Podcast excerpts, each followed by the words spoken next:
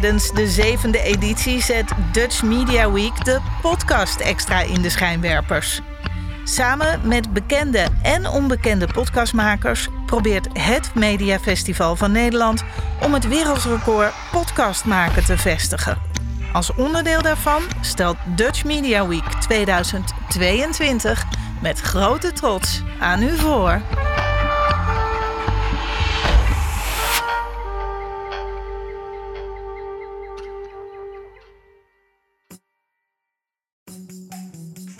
Ik ben José de Kouwer en je luistert naar de Velofilie podcast. Ik ben Peter Winnen en je luistert naar de Velofilie podcast.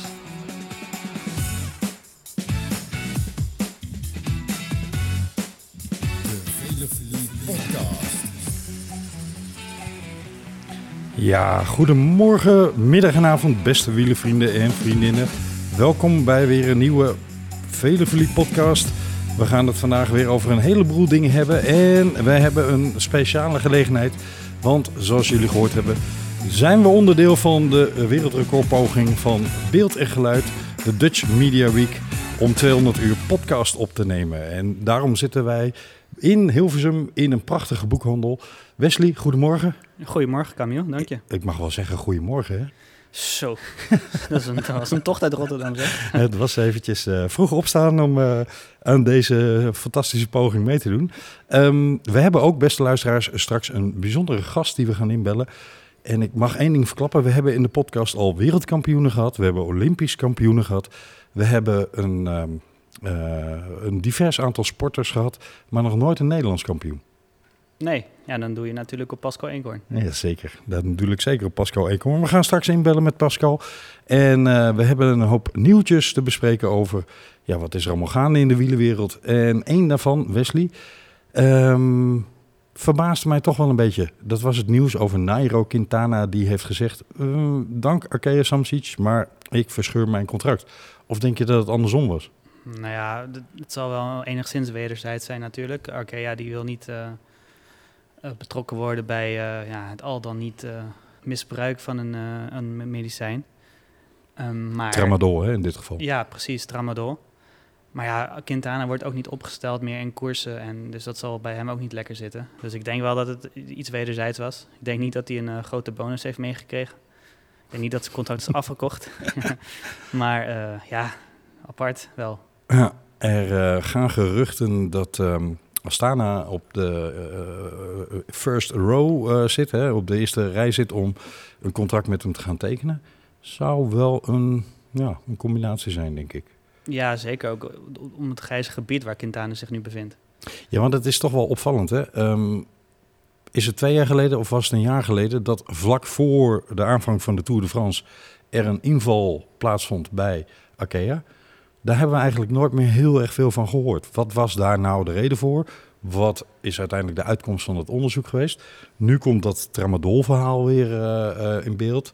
En eh, daar waar er een, een officiële waarschuwing uitgegeven is aan ehm onze grootvriend de Naroman, heeft hij geen schorsing. Oftewel, er zit een discrepantie tussen de lijst van de UCI, waar tramadol wel verboden is, en de WADA, waar tramadol niet op stond. Dat gaat overigens veranderen, beste luisteraars. Maar daardoor heeft hij geen schorsing gekregen.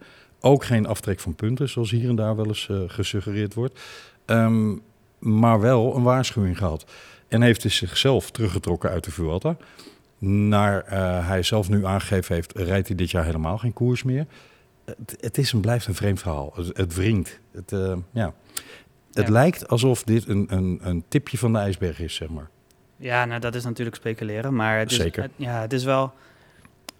Ik vind het apart dat er twee lijsten zijn, twee instanties zijn, de UCI en WADA, die het dus blijkbaar niet eens zijn over eh, wat tramadol precies eh, is. En doet. Ja, nou, lijkt mij dat daar gewoon een wetenschappelijke consensus over bestaat. En dan vind ik het toch apart dat eh, ja, bij de UCI het niet mag en bij de WADA het wel mag. Waarom, waarom kunnen zulke grote instanties die zoveel mensen achter hun hebben, hoezo kunnen die het niet eens zijn op woorden? Voor de luisteraars die geen idee hebben wat tramadol is of doet, we hebben dat al eerder een keer in deze podcast geroepen, maar tramadol is een pijnstiller en dan wel van de zwaardere soort. Je kunt het niet bij de apotheek om de hoek krijgen. Je moet het echt op recept halen.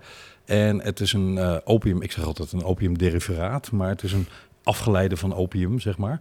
Ehm, ik heb het een keer zelf genomen toen ik op vakantie in Frankrijk een kies brak.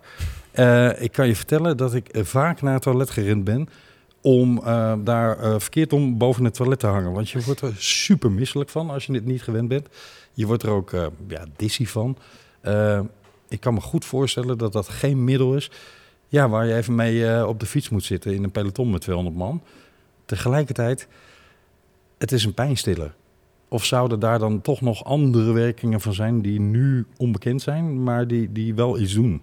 Ja, nou ja, er gingen natuurlijk wel een aantal verhalen rond dat het gebruik van dit middel best wel gemeengoed was een tijdje in Zeker, het peloton. ja. Ik kan me niet voorstellen dat het halve peloton aan tramadol zit als het geen positieve werking heeft.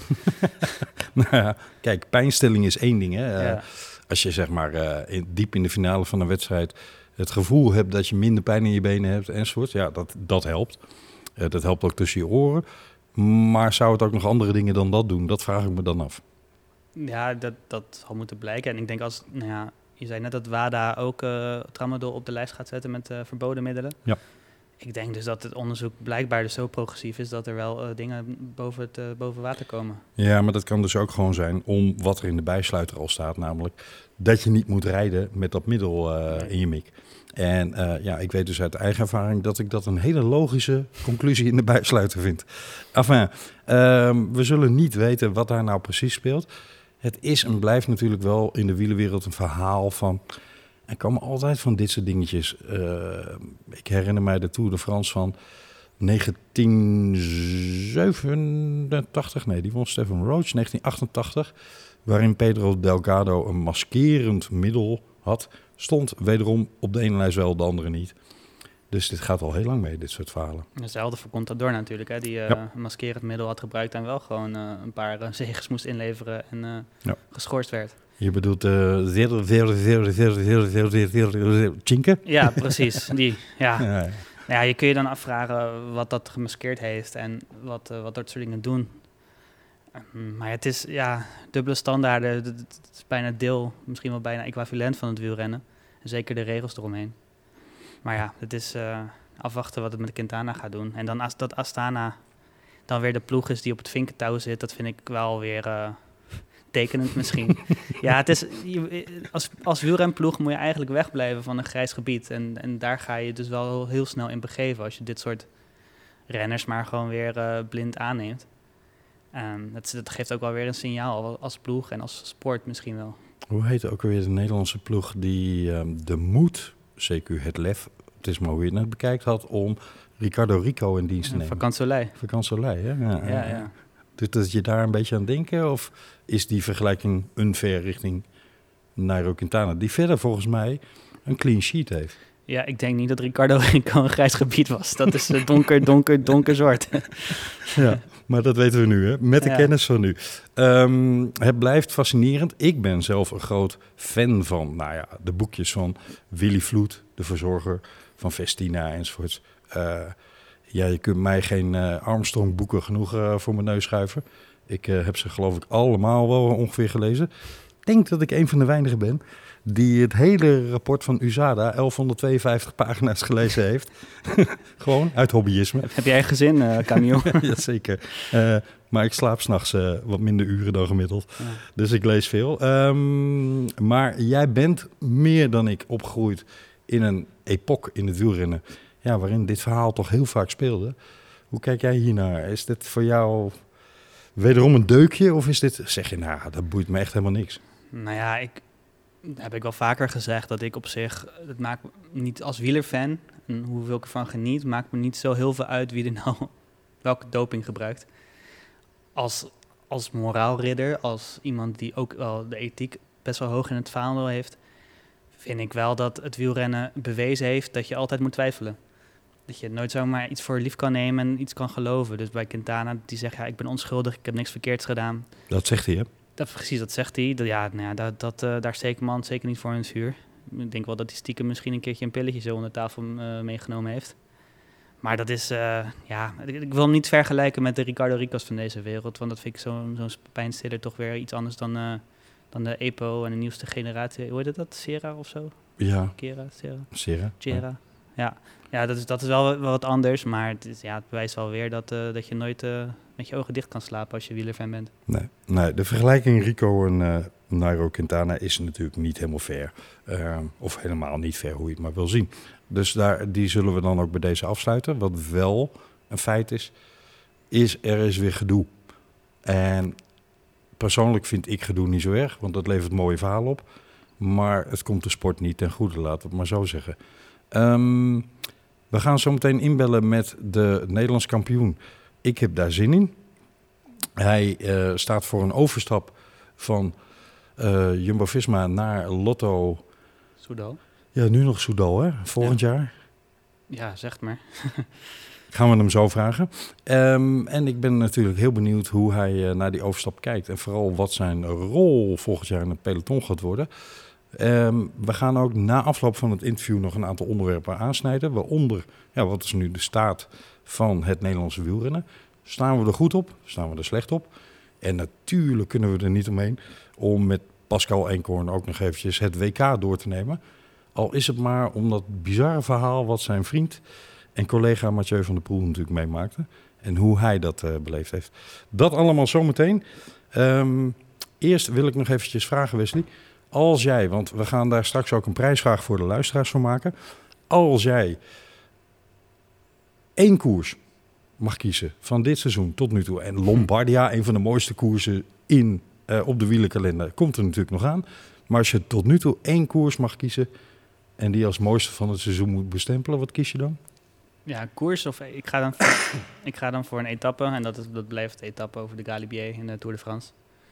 Dat, eh, De aanvallen. ja, de aanvallen met Roglic, Vingegaard en Pogacar die overal op reageert en dan Pogacar die weggaat bij Roglic en dan Pogacar die instort en Vingegaard daar eigenlijk de Tour wint.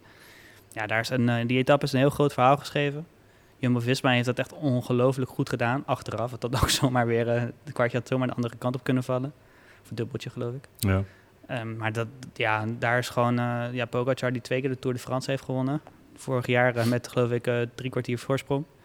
Die eh, daar eigenlijk voor het eerste keer echt eh, een klap krijgt in de Tour. Dat vond ik eh, ja, echt wel prachtig om, eh, om te zien. En die, die etappe die heb ik toevallig een paar dagen geleden eigenlijk gewoon weer eh, vanaf de Galibier gekeken. ja, serieus? ja, ja, net Leuk. zoals jij ben ik ook wel s'nachts wakker. Dus Ja, ja, ja. Net als jij kijk ik dan ook nog regelmatig oude etappes terug. ja, ja. Die van mij zullen waarschijnlijk iets minder oud zijn dan die van jou. Maar... Dat kan ik je aanraden. Hè. We gaan binnenkort ook nog weer eens verder met onze serie De mooiste grote ronde ooit. Want we moeten jouw aflevering nog opnemen, Wesley. Ehm, maar dat is weer een, eh, een, een zijstraat. Eh, je zei het zelf al, ehm Calibier dus. Maar wat is dan de beste coureur, man-vrouw in dit geval, van dit seizoen? Ja, is lastig, hè? Ja, heel lastig. Ik bedoel, ja, Van Vleuten die eh, Ja. de, gewoon de triple pakt. Dat vind ik dat wel, wel bizar. En dan ook nog wereldkampioen wordt op een on- onwaarschijnlijke manier met de ge- gebroken elleboog, geloof ik. Ja. Ja, dat, dat kan je. Dat, dan, dan moet ik denk ik wel voor Van Vleuten kiezen, maar wel met Evenepoel. Wel heel, heel dichtbij. Luik gewonnen, Vuelta gewonnen, wereldkampioen geworden. Uniek. Van Aert natuurlijk, die eh, nou ja, eigenlijk gewoon eh, ja, misschien wel eh, Superman is. Ja, en Pogacar, die, die overal mee speelt. Waar, waar hij start, toen kan Parijs-Roubaix zijn, waar hij niet is gestart. Maar als hij was gestart, Behalve gisteren in Emilia. Die werd door Enric Mas toch behoorlijk uit de wielen gereden. hij wordt toch tweede. Dus Ja, hij, speelt, hij wordt speelt tweede, toch wel weer een rol in die wedstrijd. Ik, volgens mij heeft hij dit seizoen maar één of twee, eh, of het nou eh meerdaagse etappekoersen of eendagswedstrijden waren, heeft hij maar één of twee dagen gehad waarbij hij niet in de top 10 gefinished is. Ja, Uniek. Ja, eh, wat mij betreft zou het zijn van Vleuten en uniek. Of nee, ik moet het eigenlijk zo zeggen. Wat mij betreft zou het zijn Remco Evenepoel uniek, maar van Vleuten unieker. Dus ja, die keuze is voor mij makkelijk gemaakt. ja. Al moet ik zeggen dat Evenepoel wel echt, echt iets heel bijzonders presteert. Zullen wij eens eh, aan Pascal gaan vragen, Pascal Eenkorn, wat voor hem eventueel de coureur van het seizoen of zou zijn? Ja, kunnen we doen. Gaan we hem inbellen.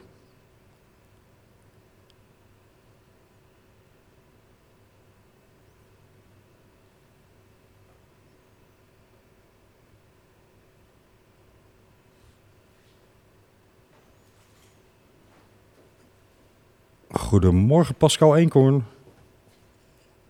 Goedemorgen. Ha, fijn dat je aan de telefoon bent. En dank je wel dat je bij ons te gast wil zijn in de Velevolie podcast. In een uh, unieke uitzending waarin we onderdeel zijn van een recordpoging om 200 uur podcast op te nemen. Um, en wat nou beter dan, dan de Nederlands kampioen als gast hebben?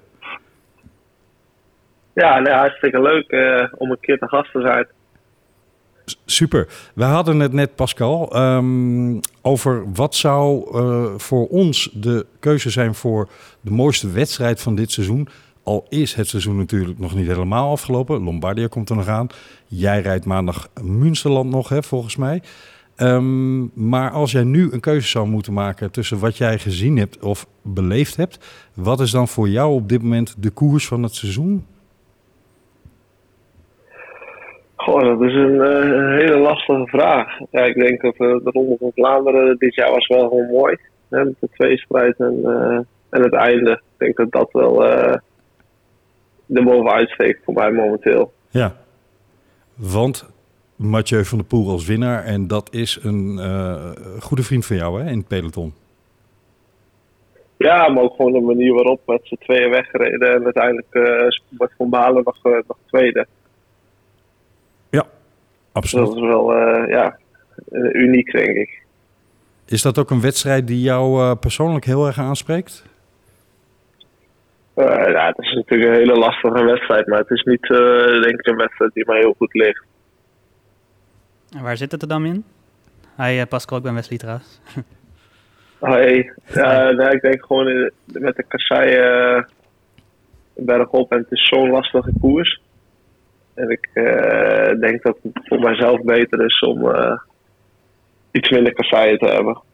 Ja, Begrijpelijk. Jij, uh, Pascal Eenkhoorn, bent voor de luisteraars die uh, jouw naam minder goed kennen, kan ik me haast niet voorstellen, want onze luisteraars zijn diehard wielenfans. Maar jij bent Nederlands kampioen geworden op de Vanberg dit jaar um, en staat voor een overstap van Jumbo-Visma naar Lotto. En toen keken wij, Wesley en ik, Camille elkaar aan en toen dachten we, Lotto, hoe gaat het ook weer heten volgend jaar? Lotto Destiny. Lotto Destiny, ja, ja, precies. Um, we gaan het zo met jou hebben over die overstap. We willen het ook graag met jou even gaan hebben over jouw seizoen en eventueel de afgelopen seizoenen. Hè, want je hebt vijf jaar bij uh, Jumbo uh, Visma rondgereden. Um, maar eerst even over dat Nederlands kampioenschap. Prachtige overwinning. De Vanberg ligt jou goed. Hè? Je, je rijdt daar vaker goed. Wat maakt dat die koers over de Vanberg jou zo goed ligt? Kun je dat uitleggen? Uh, ja, gewoon de type inspanning van uh, uh, tot een minuut is die ongeveer, die klim. Ja. Twee keer kort achter elkaar. En ja, dat ligt me gewoon heel goed. En ook ja, tactisch weet ik gewoon een hele goede wedstrijd. Ik denk dat ik wel op, die inspanning een van de betere van Nederland ben. Maar je bent daar dus Nederlands kampioen geworden. wat, mm -hmm. Je hebt daarna die trui aan mogen trekken. Wat heeft dat uh, veranderd voor jou? Is je status in het peloton veranderd? Of heb je meer aanzien? Is het iets makkelijker om door het peloton te rijden nu? Nou, dat is juist moeilijk, hè? want uh, tegenwoordig rij je heel veel in, in groep als ploeg door het peloton heen. En blijf je vaak bij elkaar. En rood en blauw, dat lijkt totaal niet op geel, dus word ik er vaak uitgeduwd. Ze herkennen jou niet als... ja. Nee, dan denken ze aan, dat is een andere ploeg, dus uh, dan gaan wij hier achter zitten. Maar, uh, en ook uh, de verzorgers die missen wel mij eens als ik de bidon aan wil pakken. Oh, serieus? maar ja, ja. maar dat, dat hoort er nu eenmaal bij. Maar voor de rest, ja, het is niet veel aanzien veranderd, maar het is wel gewoon heel mooi om, om een jaar lang die trui aan te trekken. En het is denk ik ook gewoon een hele mooie trui en hij valt heel goed op. Maar als jij dus maandag een hongerklop, hongerklop krijgt, dan komt dat door, uh, door die rood-witte-blauwe trui. Ja, dat zou zomaar eens kunnen. Of uh, dat ik een, een, zakje aanpakken dat de verzorger hem niet loslaat. Dat hij denkt van ja, dat is niet één van ons. dat, kan, dat kan nog best gevaarlijk zijn als ik dat zo hoor. Ja, nee, inderdaad. Dus ik uh, probeer elke koers wel op te hameren. nog net voor de start even. Jij bent, uh, uh, je staat voor een overstap, Pascal, naar uh, Lotto Destiny. Mede, als ik de interviews goed begrepen heb, omdat je programma daar wat meer vrijheid gaat bieden voor jou. Juist in eendagswedstrijden en eh, misschien ook in, eh, in, eh, in de rondes. Hè, want je hebt geproefd van de Giro d'Italia. En ik begreep uit de interviews dat dat goed bevallen is. Is het Nederlands kampioenschap voor jou ook een bevestiging geweest daarin? Dat je dacht, ja, als ik voor mijn eigen kans mag en kan gaan... dan kan ik meer dan ik de afgelopen jaren heb kunnen laten zien... omdat ik in ploegentactiek moest rondrijden? Eh, nou, ik denk gewoon vooral dat eh, ja, bij Jumbo heb je gewoon hele, hele, hele goede kopmannen. Ja. En de, de, de tweede rij daarachter is ook gewoon heel sterk. Maar dat is wel altijd in dienst. En ja, daar heb ik gewoon, eh, ik denk dat ik op mijn leeftijd nog een keer die kans wel wil grijpen om voor eigen succes te gaan en wat meer vrijheid te krijgen. En als ik die, eh, die vrijheid had in, eh, in kleinere koersen bij Jumbo, dan is het altijd al, hé, je rijdt bij Jumbo, dan wordt er al snel naar je gekeken. En eh, als je dan bijvoorbeeld mee wil zitten in, een- in een vroege vlucht, dan wordt het gewoon eh, veel lastiger. Terwijl ze dat eh, bijvoorbeeld bij een Wanti dit jaar, of ja, hoop ik volgend jaar ook bij Lotto, dat ze denken van, die kunnen we wel laten rijden. En zo dat er iets meer kansen ontstaan. Ja, iets meer Ja, vrijheid. als ik bijvoorbeeld met Wout van Aert en er wordt geopend in de klassiekers. En wij doen dat. Dan gaan alle ploegen gaan mee proberen te zijn. Want ja, dat is Jumbo-Visma. Ja. Ja. En dan wordt het toch eh, een stuk lastiger koersen. Ehm, jij hebt uitgebreide gesprekken gehad hè, met Lotto Destiny. Eh, nu nog Lotto Soudal uiteraard, maar volgend jaar Lotto Destiny over wat jouw programma gaat worden. Weet je dat al? Is dat al met je doorgenomen? Zijn er wedstrijden waar jij bij wijze van spreken nu al zeker op de lijst voor staat? Ongeacht blessures of wat dan ook? Eh, nee, zo eh, hebben we dat ook niet afgesproken. Alleen wel in ieder geval dat ik eh, graag een grote ronde wil rijden. Ja. En dan denk ik wel zelf aan, aan een Giro of een Tour. Tenminste, wel in, in het voorjaar lijkt me mooi in ieder geval. En ja, voor de rest hebben we ook wel afgesproken niet om alle klassiekers te rijden. En eh, iets meer eh, diversiteit in het programma aan te brengen. En heb jij een verlanglijstje zelf neergelegd waar je het liefst zou starten? Eh, ik zeg maar wat, de Ronde van Vlaanderen of juist niet, eh, Parijs-Roubaix of... Nee, helemaal niet. Nee. Dat, eh, als we dat beslissen, dan doen we dat zeker in samenspraak. Maar ehm, Lotto Soudal die verkeert eh, tegenwoordig helaas in degradatienood. Eh, mo- mo- Heel even Wesley, mochten de luisteraars denken, wat komt er allemaal voorbij? We zitten in een boekhandel, eh, Pascal, ook voor jou. En eh, daar komt even een schoonmaakploeg van de gemeente Hilversum precies op dit moment eh, de straat vegen. Dus ja, mocht u wat achtergrondgeluid horen, dat heb je met live podcasten. Ga verder Wesley. Ja, nou ja, er is dus sinds dit seizoen gaat, wordt er eerst, voor het eerst gedegradeerd eigenlijk. En Lotte Soudal die staat op dit moment onder de streep. Eh, ben jij daar nog mee bezig? Gaat dat nog invloed hebben op jouw, eh, jouw koers eh, volgend jaar? Eh, nee, dat gaat zeker geen invloed hebben. Omdat je, ja, ze staan wel ver uit aan de leiding. Natuurlijk in, eh, Ja. ja, in, als eerste pro-conti team dan. En dus hebben ze overal nog startrecht wat Alpes en Phoenix de afgelopen jaren had. Dus dat heeft voor volgend jaar zeker geen eh, invloed. Ik denk dat het zelfs alleen maar voordelen heeft. Dat je eh, niet eh, naar bijvoorbeeld China moet rijden, maar andere mooie koersen kunt rijden. Ja. En ja, zoals eh, nu Canada ook, dat is twee hele mooie koersen. Maar als je daar gewoon net de ploeg niet voor hebt, is het wel een week, ja, ben je wel een week 7, 8 renners kwijt. En dat is dan soms toch jammer, terwijl er heel veel mooie koersen zijn. Maar da- daarnaast moeten we wel zorgen dat we ook volgend jaar weer genoeg punten halen om in die positie te blijven natuurlijk. En wat vind je dan eigenlijk van het pro- promotie-degradatiesysteem? Vind je, vind je dat een goede ontwikkeling? Of eh, heeft iedereen zoiets van, ja, waarom hebben we dit in godsnaam? Ja, ik snap het niet helemaal, omdat je, eh, vroeger hadden we ook 20, 21 wereldploegen, 22 en dan verdwenen weer een keer een ploeg en dan werd het weer eentje minder.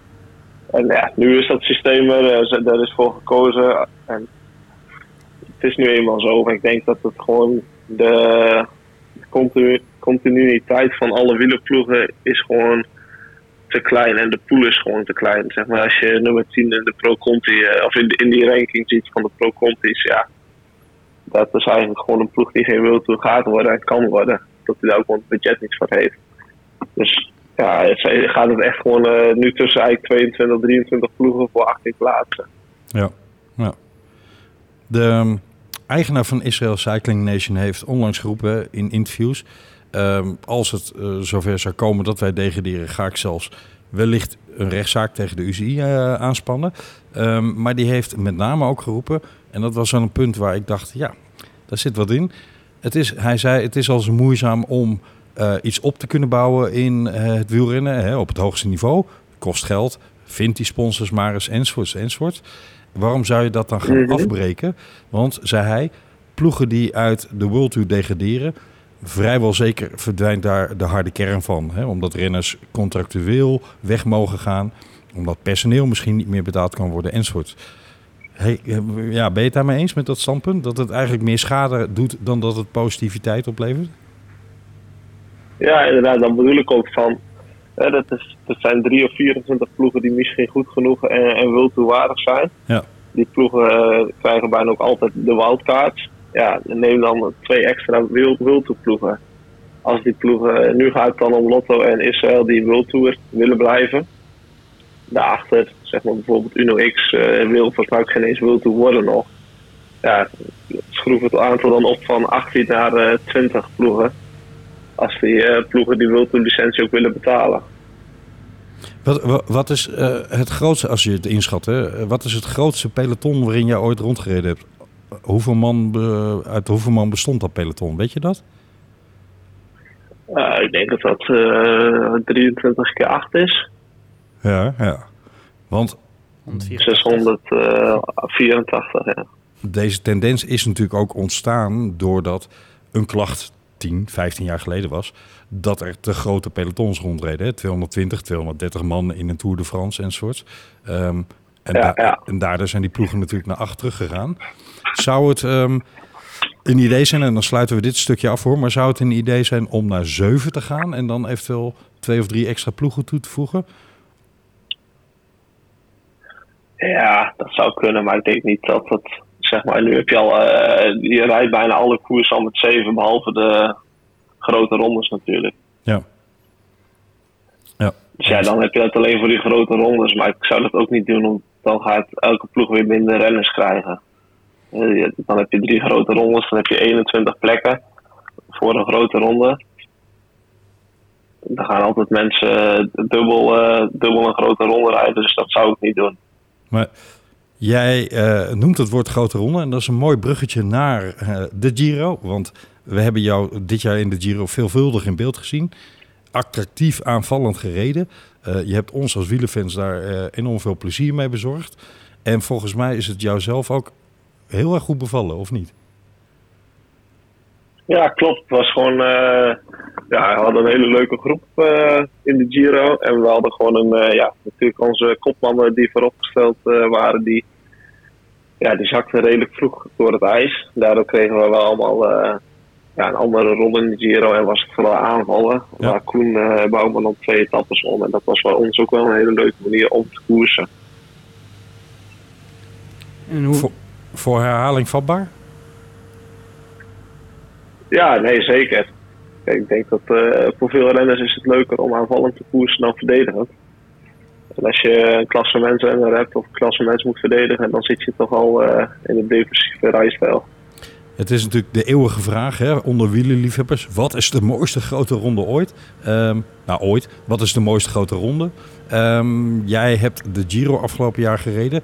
Ik weet bijvoorbeeld van Tom Dumoulin dat hij een uitgesproken voorkeur had voor nou ja, de sfeer, uh, het rondrijden in Italië enzovoorts. Dus de Giro beviel hem veel beter, waarschijnlijk ook vanwege iets andere media-aandacht en uh, iets andere omkadering van publiek enzovoorts. Maar beviel hem veel beter dan uh, de Vuelta of de Tour. Heb jij een voorkeur of zeg je, nou, die spreek ik liever niet uit, want ik wil ze allemaal nog rijden? Ja, ik heb alleen de Giro gereden en ja, die beviel me in ieder geval wel. Ja. Dus ja, ik hoop dat ik ooit nog uh, een keer in die gelegenheid kom om die andere twee ook te rijden. En dan uh, kan ik een keuze maken. heel goed antwoord, heel goed antwoord. Maar uh, Pascal, er wordt altijd gezegd dat, dat een grote ronde rijden je echt wel beter maakt als wielrenner. Kan je dat beamen? Eh, nou, het opent wel eh, sommige perspectieven, omdat je gewoon weet van na 18 dagen kan ik dit ook nog. Dus ja, dat is ook eh, voor sommige dingen in training en ook, ja, je wordt er wel gewoon iets harder van. En dat zit hem dan echt puur in de hardheid? Of voel je dan daarna dat je simpelweg gewoon harder kan fietsen? Of is, of is het zo simpel niet? Ehm, ja, dat is wel echt lastig te zeggen. Ja, het is niet zo één op één terug te lezen, zeg maar, in de in wattages of zo. Maar het is wel dat je gewoon voelt van, ik kan... eh, er, zit, er zit geen verschil in na één week of na twee weken. Terwijl je wel vermoeider bent, maar je kan nog wel gewoon dezelfde wattages leveren. Dus dat opent ook zeg maar, je ogen op trainingskamp en je kan gewoon, je blijft gewoon wel doorgaan. Je gaat door een, een soort van ehm, barrière heen. Ja, en, en op training simuleer je dat natuurlijk nooit. Dat je dan altijd na drie dagen een rustdag hebt. Twee, drie dagen en dan heb je een rustdag. En nu is het wel gewoon elke keer, als je al aan je limiet zit de dag ervoor, dat je de volgende dag gewoon weer hetzelfde hebt. Vroeger, toen er nog geen kuilen in de weg zaten, zeg ik er dan altijd achteraan, ehm, zeiden ze, als je een grote ronde rijdt of gereden hebt, dan krijg je meer inhoud. Is dat eigenlijk een beetje wat de lading, eh, de vlag die de lading dekt? Ja, ja, ik denk dat je het wel zo kunt zeggen inderdaad. Maar eh, je hebt in de, in de Giro heb je, ben je veel in de aanval geweest, ook met Mathieu van der Poel. Eh, leer je dan ook nog iets, iets van eh, Mathieu in, in, die, in die zin? Of, of heb je zoiets van, ja, ik, Of andersom, hè? ja misschien eh, leert Mathieu wel wat van jou? Hoe is dat om, om zo in de aanval met elkaar te rijden? Ja, dat is gewoon leuk, maar dat is niet eh, dat is speciaal veel van elkaar leren. Het is vooral proberen kansen te creëren. En eh, ja, dat lukt helaas niet, maar ja, dat hopelijk in de toekomst. Nou hebben jullie eh, in, de, in eh, de jeugd nog met elkaar gecrossed, hè? in dezelfde ploeg gezeten. Zijn dat dan dingen die je vooraf bij de start of desnoods na afloop van nou morgen gaan we samen in de aanval, let even op mij of zo? Gaat dat zo? Of is dat gewoon puur toeval? Nee, dat is wel vaak even van tevoren gaan we weer gaan we gelijk. Ja, dan eh, ja, ga je ervoor. En Ja. dan, eh, hij is gewoon ook een hele goede om mee te nemen. Want ja, hij blijft ook wel rijden. En andersom zegt hij ook, die, eh, die Pascal die moet je erbij hebben, want daar heb je wat aan. Ja, dat weet ik niet, dat moet je vragen. Maar dat denk ik haast wel, hè? Ja. Jullie zijn, eh, ja, ik denk wel dat ik gewoon goed doorrijd. ja, jullie worden in, in de media vaak als vrienden in het peloton afgeschilderd. Hè? Eh, bestaat dat, vriendschappen in het peloton? Want er komt natuurlijk een keer een situatie waarin of hij of jij de beslissing wordt voor een overwinning of zoiets. En hoe speelt vriendschap dan mee? Oh, zeker. Dat, maar dat maakt ook niet uit eh, als we gewoon in de koers zijn. Ik heb eh, vorig jaar op NK dan met Timo won. Eh, heb ik hem eigenlijk geneutraliseerd. Ja. Ja, toen eh, stuur ik hem daarna ook een berichtje. En ja, dat maakt hem ook niet uit. Snap je? Hij snapt dat heel goed. En ik snap het ook. In, eh, in de koers is het altijd een andere situatie. Het eh, eh, zijn er wel renners eh, of ploegen, eh, ik ken de verhalen wel, maar zijn, die, eh, zijn er wel renners of ploegen die daar wel een beetje met een scheef oog daarna door gaan kijken? Eh, een beroemd voorbeeld is de, nou ja, toch wel eh tweestrijd tussen Jumbo in al zijn voorgangers hè, en eh, onze Spaanse vrienden van eh, Mobistar. Goh. Nee, Nee? niet dat ik dat echt weet of zo. Er zijn geen renners waarvan jij zegt, nou, als die gaat, dan moet ik erbij zitten. Dat weet ik gewoon vanuit de ploeg. Nee, Nee, nee zeker niet. wij maken het spannender dan het is. ja. Oh, Dus oh, dat vooraf in de meeting wordt gezegd als die, die gaat, dan moet, eh moet ik sowieso mee, want dat is een klootzak. ja, nee, oké. Eh, los van dat je geen naam hoeft te noemen hoor. Maar heb jij zelf wel renners waarvan je zegt in het peloton... Oh, die wil ik echt niet in mijn wiel hebben zitten? Eh, ja, niet waar ik nu zo op kan denken, maar soms kan het in de koers wel een keer voorkomen. Natuurlijk dat je net daarvoor een akkefietje of zo hebt gehad, dat je echt denkt van ja, als die gaat, eh, dan sowieso eh, ben ik mee. Ja, ja, ja. Ehm ja, noemde net het woord spannend. Dat is dan misschien even een bruggetje naar het afgelopen WK. Waarin jij uh, buitengewoon uh, attractief en uh, goed meereed. Um, een vreemde koers hebben wij in onze podcast geconcludeerd. Want in wezen, misschien hebben jullie het op de fiets heel anders beleefd. Maar wij als toeschouwers hebben eigenlijk naar een vrij ja, tamme wedstrijd gekeken. Um, maar waarschijnlijk was het, zoals ik al zei, op de fiets heel anders dan wat wij op tv zagen. Want jij hebt denk ik gekoers voor je leven, of niet? Ja, ik heb niks. Uh, ja, dat is heel anders natuurlijk. Ervaar het op de fiets dan, uh, jullie het ervaren. Kijk, niemand uh, was er om, om, om de laatste tijd wij twee of drie uur s'nachts al uit. Het was gelijk vanaf het begin eigenlijk al een heel attractieve koers. Het ja. duurde vrij lang voordat die kopgroep weg was. Ja. 12 man, denk ik. Het werd ook heel hard gereden. Ja, toen stapte dan Mathieu af en toen gingen we eigenlijk gelijk die man Kira op. Waarvan onder tot boven vol werd gereden door de Fransen. Uh, er was een, dat heeft denk ik ook niemand gezien. Er was een groep weg van uh, 12 en daarachter dan 25, 30 man. Met ja. onder andere Wout van Aert. Ja, als je dat normaal gesproken om, om 12 uur s middags je tv aanzet, Ronde van Vlaanderen en er rijdt een groep weg met nog 200 kilometer te gaan. En Wout van Aert zit erbij. Is het toch anders. een andere beleving dan dat je op bed ligt en je wordt wakker en je gaat de laatste twee uur kijken. En ja, daardoor werd er ook gewoon heel hard gereden. En, en sluiten nog een groep aan met Sivakov onder andere bij die kopgroep. En hebben wij gewoon het, ja, het initiatief genomen om in ieder geval te gaan uh, controleren. Want dat, ja, dat was uh, wel eventjes nodig, denken we. Dachten we. Ja.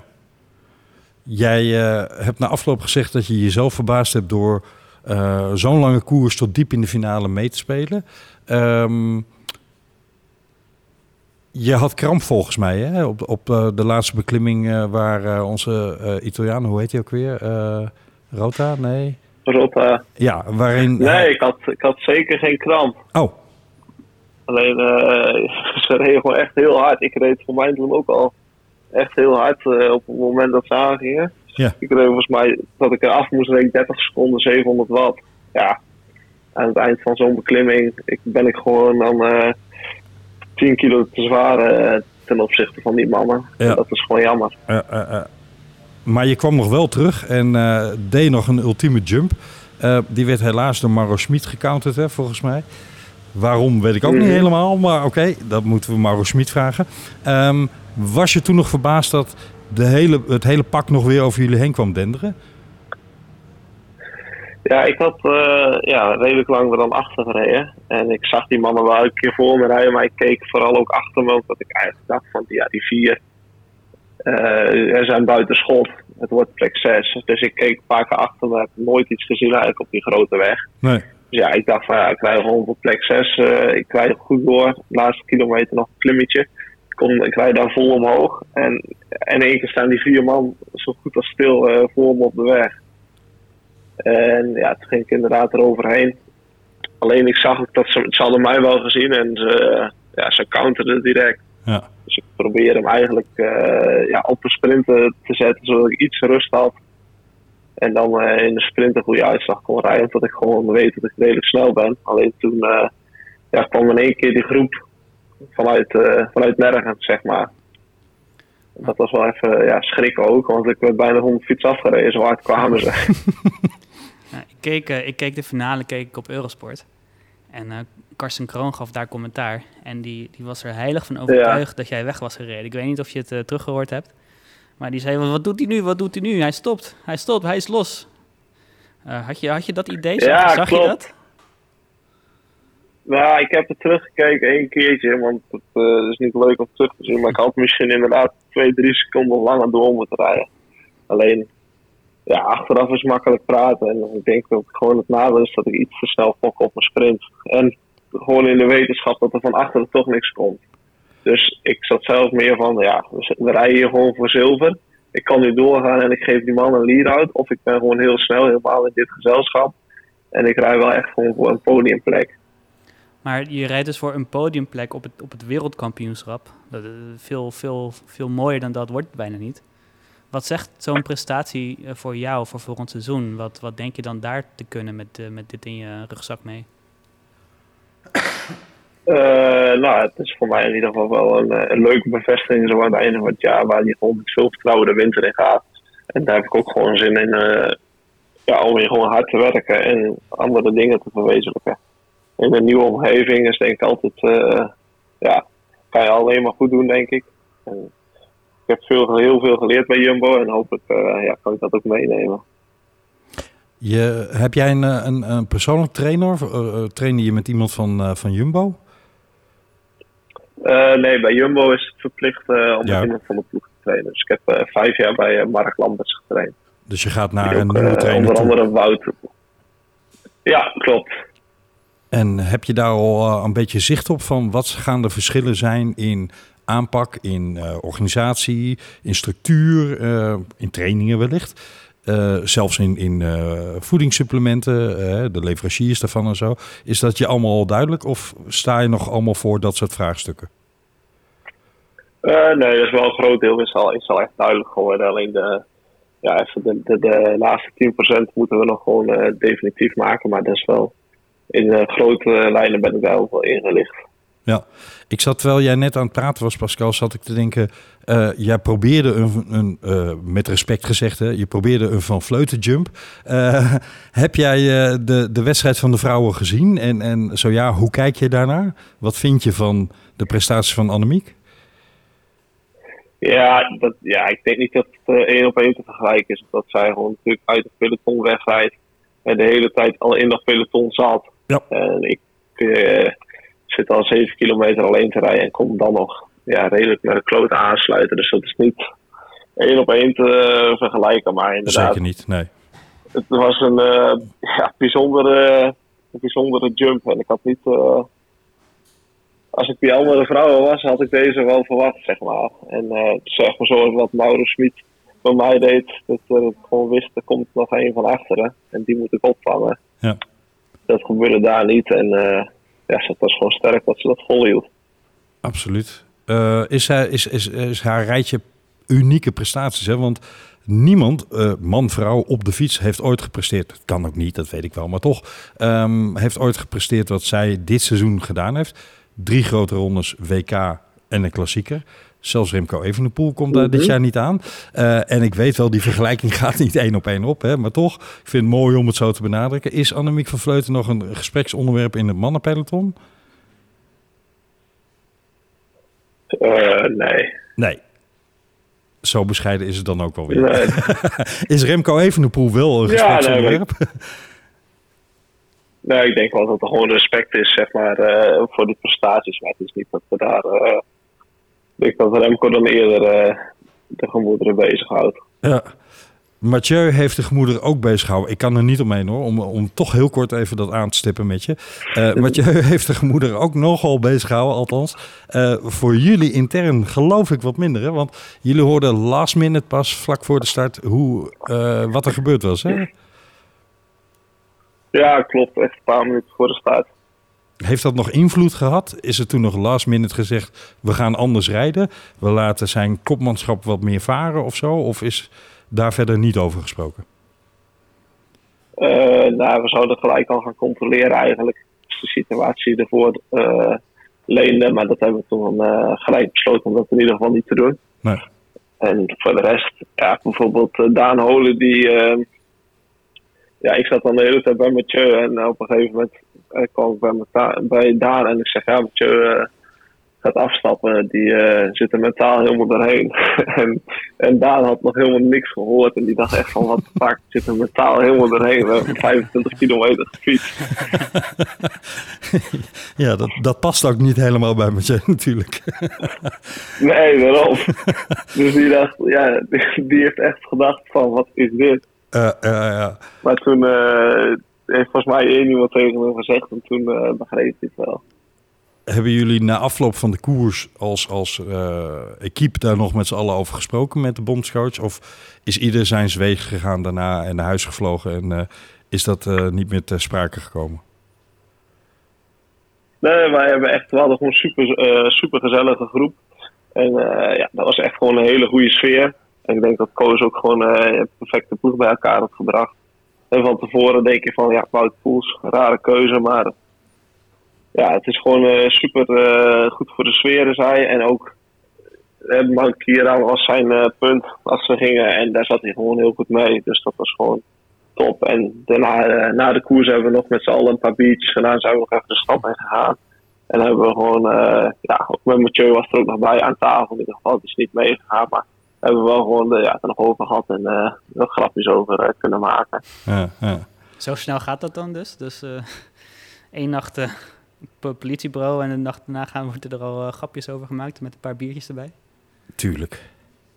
Ja, ja, tuurlijk. En hebben we het ook wel gewoon, hè, met de vragen we dingen, maar het is niet.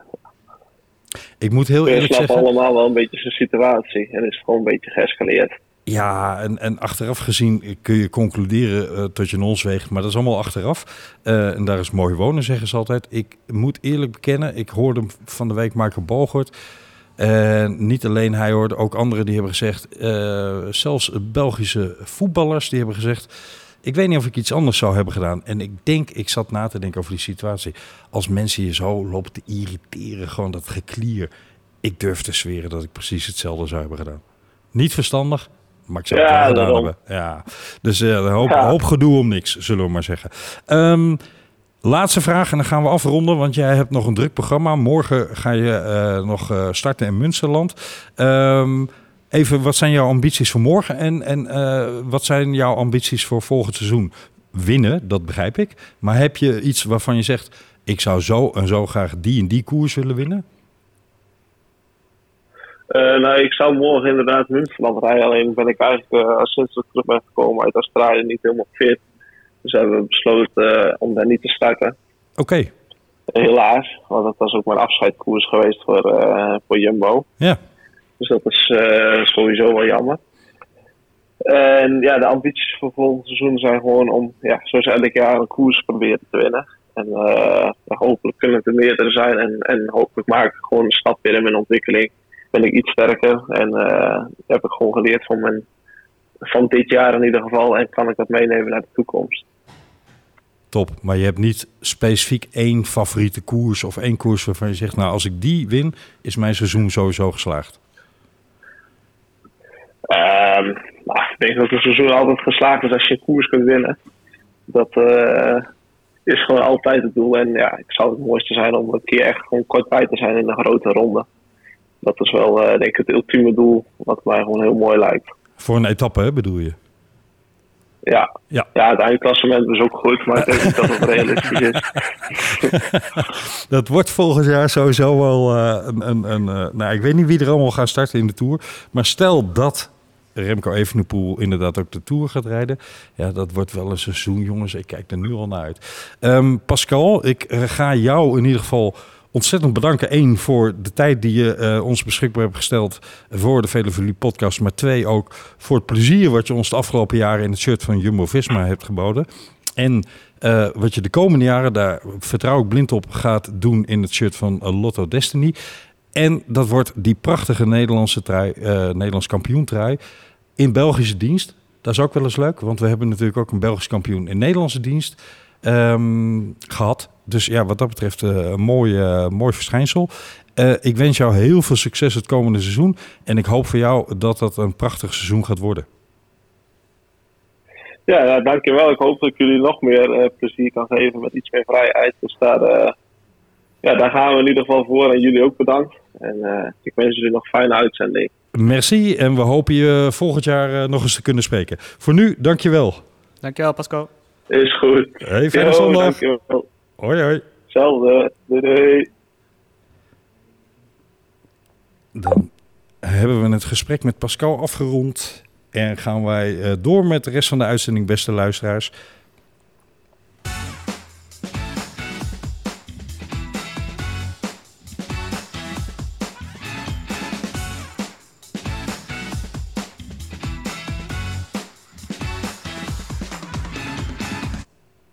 Valt me altijd weer op, Wesley. Ehm, als dit een voetballer zou zijn geweest, en ik chargeer natuurlijk uiteraard een beetje, maar als dit een voetballer was geweest, vraag ik me af of we zo'n open gesprek hadden kunnen voeren. Nou, dat denk ik niet. Nee. Nou, je hebt natuurlijk enkele voetballers waar daar, waar daar wel een uitzondering op te maken valt. Zeker. De Jacques Polaks van deze wereld en zo. Er zijn natuurlijk ook wielrenners die wat minder zeggen, hè, maar eh, er zijn ook wielrenners die, eh, die wilde ik je toch even voorleggen hoor. Er zijn ook wielrenners die met lichaamstaal veel zeggen. Ehm, een onderwerp waar wij het in de Vele podcast nog niet over gehad hebben, maar heel veel wielrenliefhebbers wel. Het vingertje. Weet je dan meteen wat ik bedoel? Ja, Remco weer. Ja. Ja. ja, die doet dat altijd. Niet altijd, maar heel vaak. Ik zat te denken, um, dan rij je zo'n fantastisch schitterend WK. Natuurlijk speelt er van alles en nog wat mee. Hè? Wat is er allemaal in dat peloton gebeurd? We hebben net van Pascal daar het een en ander over gehoord. Maar je rijdt zo'n fantastisch WK. Je rijdt gewoon eigenlijk alles en iedereen op een hoop. Laten we eerlijk zijn. Voor wie is dat vingertje dan bedoeld? Want voor de luisteraars die dat niet gezien hebben, kan me niet voorstellen. Maar toch, hij legde bij het uh, overschrijden van de finishlijn toch nog eens even zijn vinger op zijn lippen. Zo van, uh, zou dat intern voor de Belgische ploeg geweest zijn, naar aanleiding van de kritiek vorig jaar? Dat was namelijk wat ik me bedacht. Ja, ik, als hij het hele jaar geen deukje in het pak, pakje boter had gereden... Dan geen had deukje? Ik, geen, deuk, geen deukje. uh, dan had ik me kunnen voorstellen dat dat uh, vingertje dan daarvoor was geweest. Maar ja, hij heeft een geweldig seizoen gehad. Net, net de Vuelta gewonnen. Eerste grote ronde voor een Belg uh, sinds, nou, film aan, de jaren 80. 1978, zeg ik het nou goed? 79. Oké, okay, nou afgerond de jaren 80. uh, dus ja, ik, kan, ik, ik, denk ook gewoon dat hij is natuurlijk ook gewoon een voetballer. Hij is heel lang voetballer geweest. En, en dat, dat vingertje voor de mond is wel echt, echt voet, voetbals. Dat, dat zulke gebaartjes en dat zit er bij hem gewoon misschien nog een beetje in. Uh, denk maar aan Memphis Depay die ze de vingers in zijn oren doet bij elk doelpunt die hij maakt. Um, ja, ik denk ook dat we misschien niet meer... Ik, ik heb me er heel erg aan gestoord eerst hoor. Toen hij net opkwam vanuit de, van, vanuit de junioren... en bij elke kleine koers die hij won... dan een vinger voor zijn voor mond. dacht ik van ja, uh, ga het maar eerst laten zien in de grote koers. Maar ja, dat doet hij nu. En hoe? Ja, precies. dus dan, ja, weet je, hij uh, rijdt de hele... Heb je, heb je uh, vind je recht van spreken na zijn prestaties om dat te doen? Nou, wat ik dus wilde zeggen is, we moeten er ook niet te veel van maken. Weet je, oké, als hij dat vingertje voor zijn mond wil doen, nou, laat, laat, ga lekker. Uh, hij, laat het, hij spreekt met zijn benen. Ja, ja, dat vingertje. Hij is op dit moment misschien wel de beste van de wereld. Hij is wereldkampioen. Ja.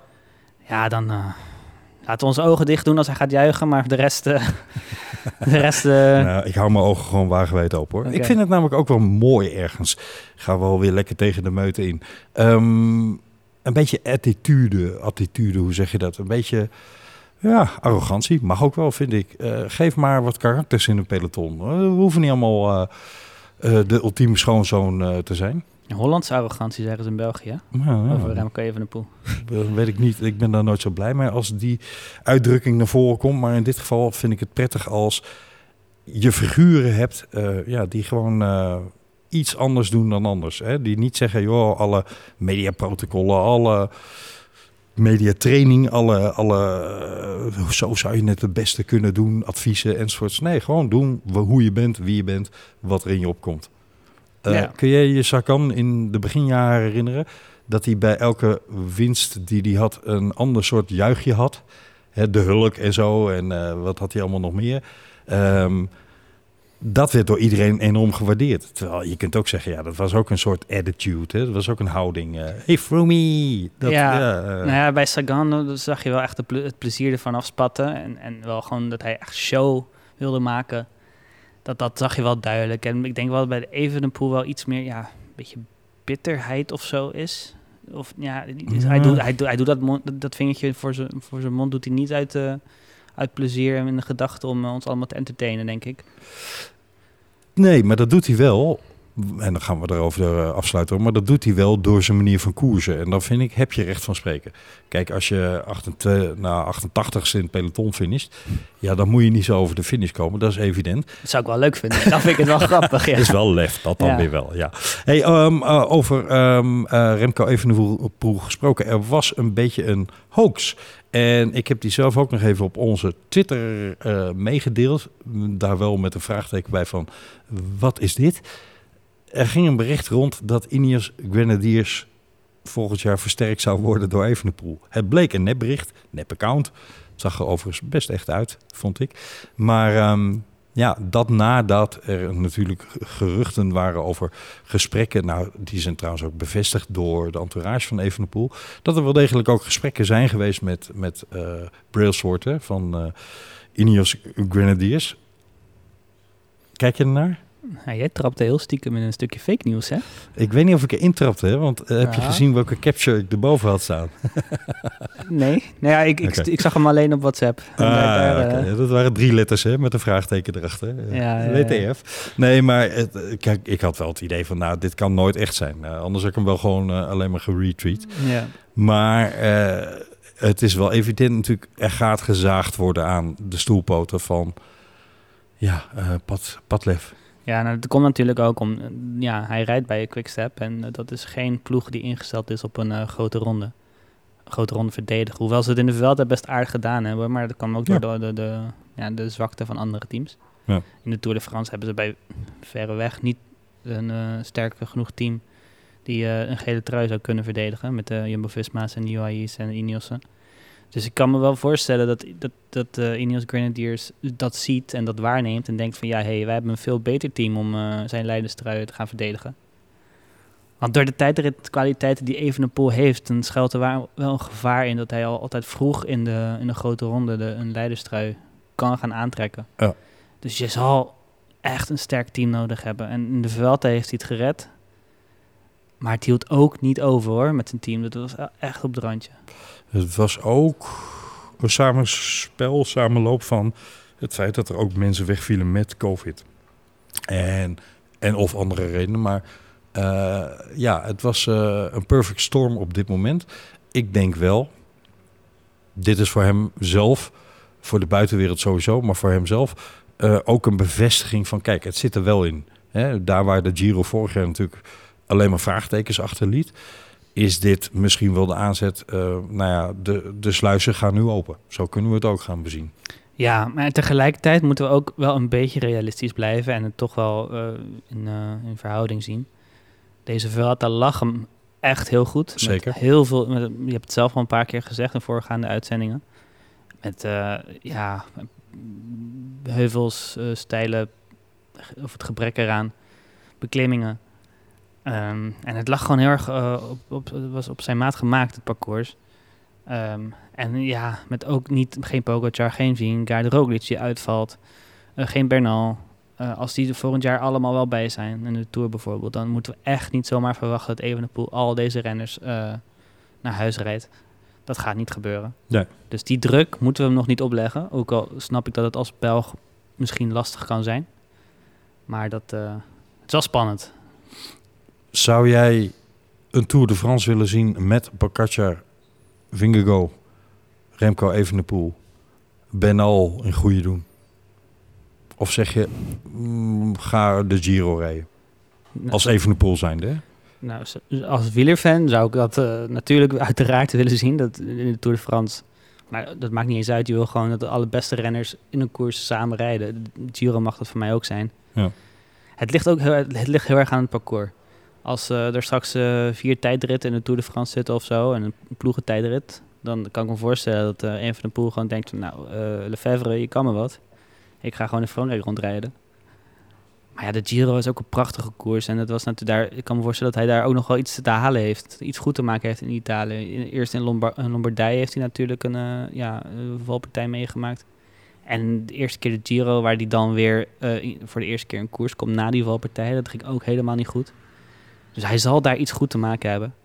Maar ja, ik, uh, ik kan me ook wel voorstellen dat je na de Vuelta, uh, ja, als je die wint, dat je dan denkt van nou, de Tour, die, uh, die kan ik ook wel aan. Een stukje uitdaging misschien ook wel.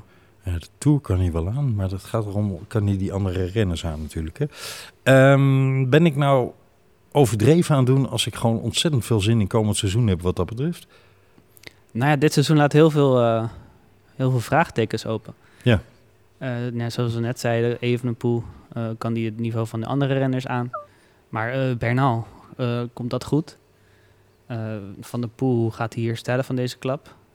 gaat Van Aert weer dezelfde doelen hebben als dit jaar met de groene trui? Want in een interview ergens las ik dat Van Aert vooral bezig is met koersen afstrepen, prijzen afstrepen. Ja. En als hij dat dan behaald heeft, gaat hij door naar de volgende. Nou ja, hij heeft nu de groene trui. Eh, wat, wat, wat nu? Gaat hij een keer een klassement proberen ergens in een, eh, een kleine koers? Eh, ja, er is gewoon heel veel naar uit te kijken voor volgend seizoen. En dat, en dat, kan ik me wel voorstellen dat je daar heel veel zin in hebt. Absoluut. Ehm, dit gebeurt natuurlijk ook in een live. En ik kijk even naar de kant van beeld en geluid. Het gebeurt natuurlijk ook in een live uitzending. Maar ik moet heel kort een eh, sanitair klein stopje inlassen. Eh, dus Wesley, aan jou even de eer om de komende 30 seconden te vullen. Dan ben ik zo weer terug. Ik ben José de Kouwer.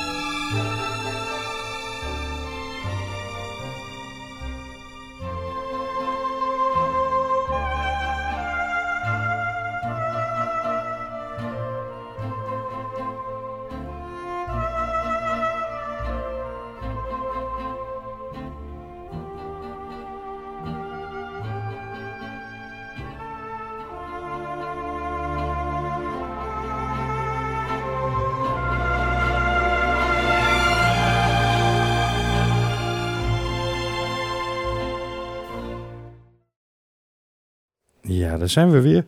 Gebeurt ook, hè? Zoveel koffie gedronken uit de zenuwen om eh, Pascal Eenkoorn te spreken. Want dat is ook een genoegen wat ik niet elke dag meemaak. En wat wij van de Vele Verliep podcast niet elke dag meemaken. Was jij zenuwachtig eigenlijk? Om hem te spreken? Nee, nee eigenlijk niet. Ik vond, Nee? ik vond het leuk, gezonde spanning. Ja. Maar eh, Ik heb altijd wel goede wedstrijdspanning voor zulke eh, gesprekken. ja, precies. Als ik jou was, had ik nu gewoon in mijn broek geplast. Ik eh, kan u even heel kort vertellen, beste luisteraars, een kleine anekdote over hoe wij in Hilversum terechtkwamen. Want ehm, wij stonden ongeveer, denk ik, allebei om 7 uur vanochtend op, op zondagmorgen. Zo'n tijd dat je denkt, oh, moet dat? Ja, dat moet, want wat is nou leuker dan de Nederlands kampioen te mogen interviewen bij eh, de recordpoging van eh, Dutch Media Week ook nog. Ehm, en toen dacht de buschauffeur van de bus die ik op weg naar de trein had, die dacht, weet je wat, ik doe een langzame aanactie op zondagochtend, want het is immers zondagochtend. Dus ik zag zo de tijd verschijnen, de tijd verschijnen. En ik denk, oh jee, daar gaat mijn trein. En toen zat er eigenlijk maar één oplossing op. En dat was de taxi naar Hilversum pakken. En eh, daar had ik het genoegen dat de taxichauffeur zo'n thermoskannetje met koffie had. en aan mij vroeg, wil je een bakje koffie? Nou, dat werden er drie. Eh, daar had ik dus net even last van. Maar dat terzijde. Ehm, voor het komende seizoen, waar hebben we ook last van? Het ontbreken van Tom Dumoulin. Ik heb het niet aan Pascal Eenkoorn gevraagd net. Ehm, maar ik ben eigenlijk wel heel benieuwd wat voor impact dat gaat hebben op de wielerliefhebbers in Nederland. En dat is eigenlijk een, een vraag die ik jou wil voorleggen.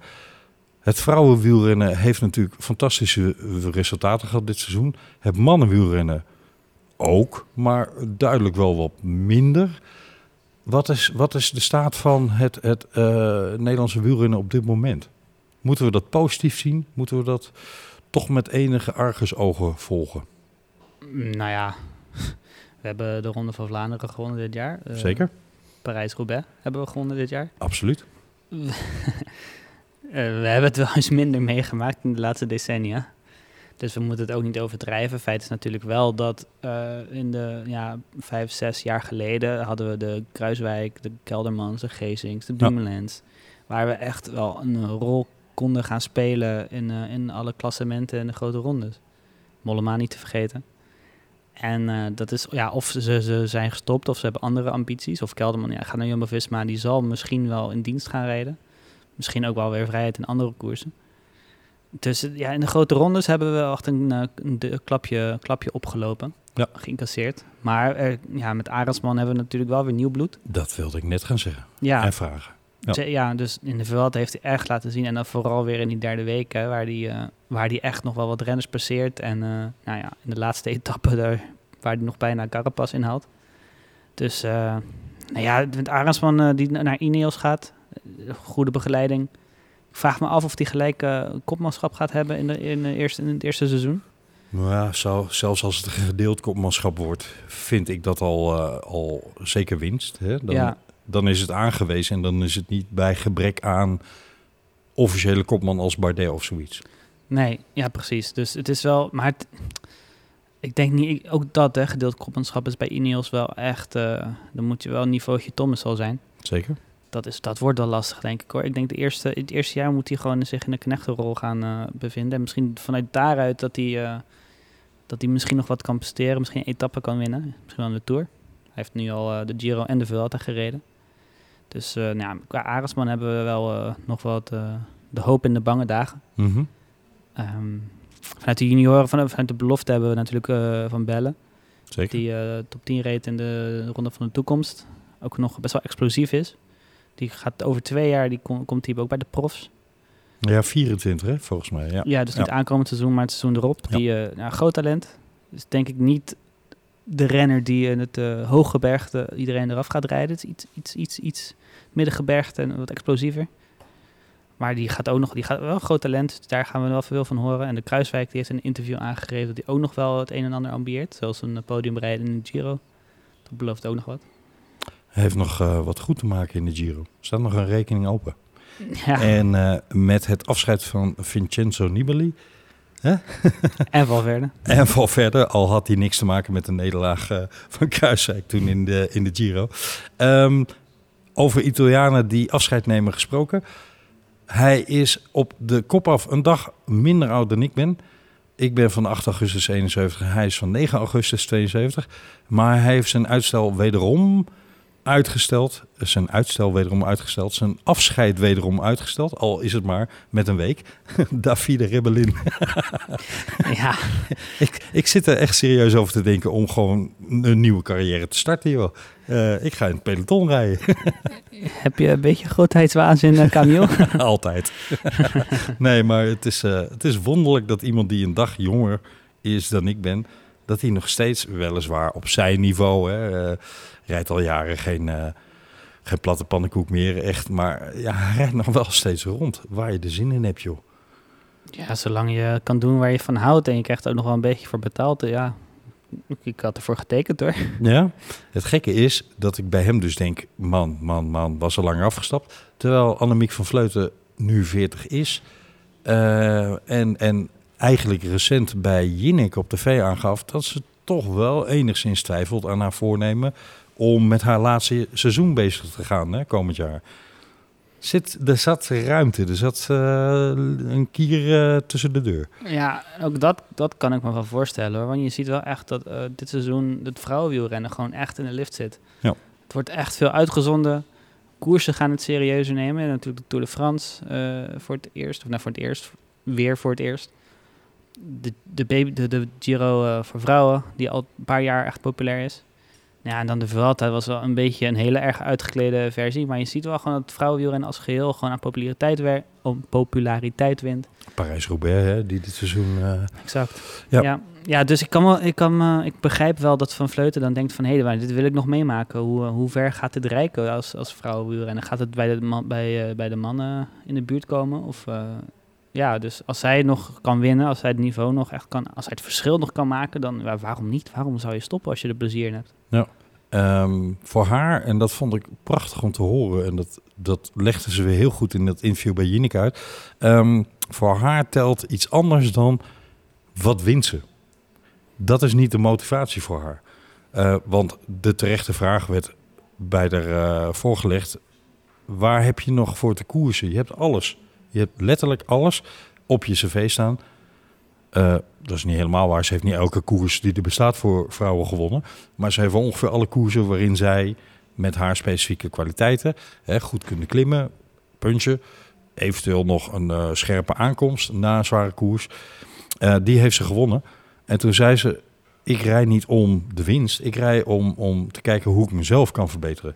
En dat is natuurlijk een motivatie waarmee je lang door kan. Zolang je, en dat gaf ze aan, zolang je nog verbeterpunten vindt. Zolang je nog ziet, hé, hey, er kunnen nog dingen beter. Ja. Het En is bijna niet voor te eh, stellen. Hè? Als je al ziet hoeveel kilometers ze maakt in de voorbereidingen. Dat ze in Colombia een maand op, op hoogte traint voorafgaand aan het seizoen. Ik bedoel, het is geen eh, weekje tijd, hè? Het is gewoon een maand Colombia. Ja, maar je kan het dan natuurlijk ook gewoon zo zien dat je voor je werk, waar je waar je je centjes mee verdient, gewoon een maand in Colombia kan zitten in de bergen. Ja. Als je het zo bekijkt en je kan een beetje met ontspanning naar kijken en, en zij wordt beter, ze haalt daar plezier uit, dan kan ik me ook voorstellen dat het leven gewoon heel erg mooi is. Zeker. Er zijn renners die het daar niet mee eens zijn en vroegtijdig afscheid nemen in Nederland. Oh, in Nederland. Ik dacht dat je wederom Rebellin bedoelde. Nee, nee, nee. Ik, eh, ik heb het over eh, Tom Dumoulin. Ja, ja, ja. Ja. ja, je, het, zijn, het, ligt aan, het staat en valt met plezier.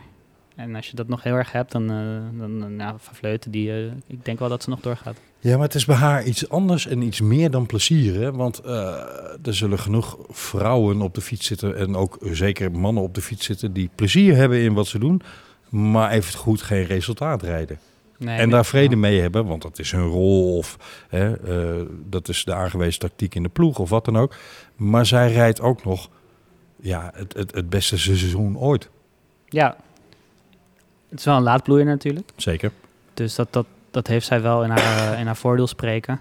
En ik heb het natuurlijk ook over een stukje plezier. En dat, dat, dat, dat, dat houdt ook in eh, voldoening eh, halen uit het niveau dat je hebt. Ja. Hoe ervaar je dat? Eh, vind je het leuk als je ja, maar gewoon veertigste kan worden en je gaat door, zoals Rebellin doet? Dan, ja, dan ga je dus ook door. Maar Van Vleuten, die, die is de beste. Eh 40ste, 50ste. Ja, vijftigste, ja, ja, ja. Dat is inmiddels al 50 eh, geweest.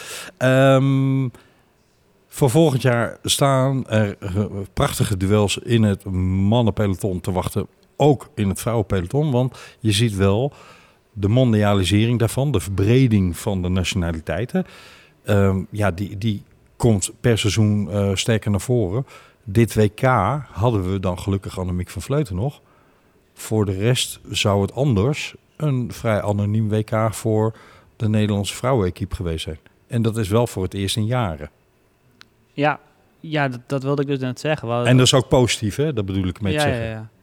Ja, ja, dus voor ons als land misschien iets minder positief, maar voor het vrouwenwielrennen als geheel, wat dus in de lift zit, wat ik net zei, Ja.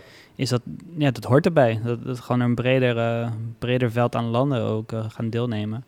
En dan heb je gewoon ook een grotere pool om uit te, om uit te, uit te halen, zeg maar. Dus eh, ja, dat hoort erbij. En voor, voor ons als Nederlanders zal het iets minder leuk worden op de Olympische Spelen en de WK's. Ja. Dat worden minder medailles, want dat was het laatste Spelen eigenlijk al een zekerheidje. We waren natuurlijk enorm, enorm verwend met Marianne Vos, Anne van der Breggen, Annemiek van Vleuten eh, en, en een Demi Vollering in opkomst. En zo kunnen we nog een heel rijtje namen noemen hoor. Ik wil niemand tekort doen. Maar we hebben ultieme dominantie gehad in de afgelopen tien jaar. En daarvoor Van Morsel natuurlijk. En daarvoor uiteraard Leontien van Morsel. En, en eh, zo kunnen we nog doorgaan hoor. Eh, maar het is een, een, wat dat betreft voor de sport eh, en zeker ook voor de liefhebbers wereldwijd. Ehm, en je ziet dat het vrouwenwielrennen toeneemt in, in aantallen kijkers, toeneemt in aantallen mensen langs parcoursen. Eh, is het een goede zaak dat het wat minder eenzijdig oranje gekleurd wordt. Ehm, ja, wat dat betreft positief. Ik kijk ook weer heel erg uit naar bijvoorbeeld Parijs-Roubaix voor de vrouwen. Ja, dat is de mooiste koers misschien wel van dit jaar. Samen met de Strade Bianca. Ja, maar ook de manier van koersen. Ja, het, het ligt open. Het is, het is onvoorspelbaarder als, als koers. Ja. Eh, het wordt, hoewel dat op zich nu ook niet meer zo is. Want in het mannenwielrennen wordt er ook wel vroeg aangegaan. En kijk, nou, kijk maar naar het WK. Maar het is inderdaad gewoon heel lang heel spannend bij het vrouwenwielrennen. En het is, is onvoorspelbaarder. Eh, het ligt misschien net iets eh, dichter bij elkaar in de top. Dus dat, eh, nee, inderdaad, de, de- de vrouwenwedstrijden die zijn echt, echt meer dan het kijken waard. Ja. Dus ja, als luisteraars dat nog niet gedaan hebben, vooral kijk ernaar. En dan eh, zou ik daar meteen de oproep aan toe willen voegen. Ga ook nou eens naar dat baanwielrennen kijken, want dat is zo fantastisch leuk, jongens. Er komt weer een eh, woon zesdaagse aan. ehm, in december volgens mij. Dus eh, ga even via Google zoeken naar woon zesdaagse. En ga een van die dagen naar, naar Rotterdam. Ehm, want het zijn gewoon hartstikke leuke wedstrijden om te kijken. We hebben overigens, Wesley, ook een prijsvraag. En die prijsvraag bestaat, eh, althans als je hem wint, bestaat uit een eh, prijsje. Dat is een stukje van de wielenbaan van eh, Sloten in Amsterdam. Die is in de covid-tijd, in de coronatijd, helemaal gerenoveerd.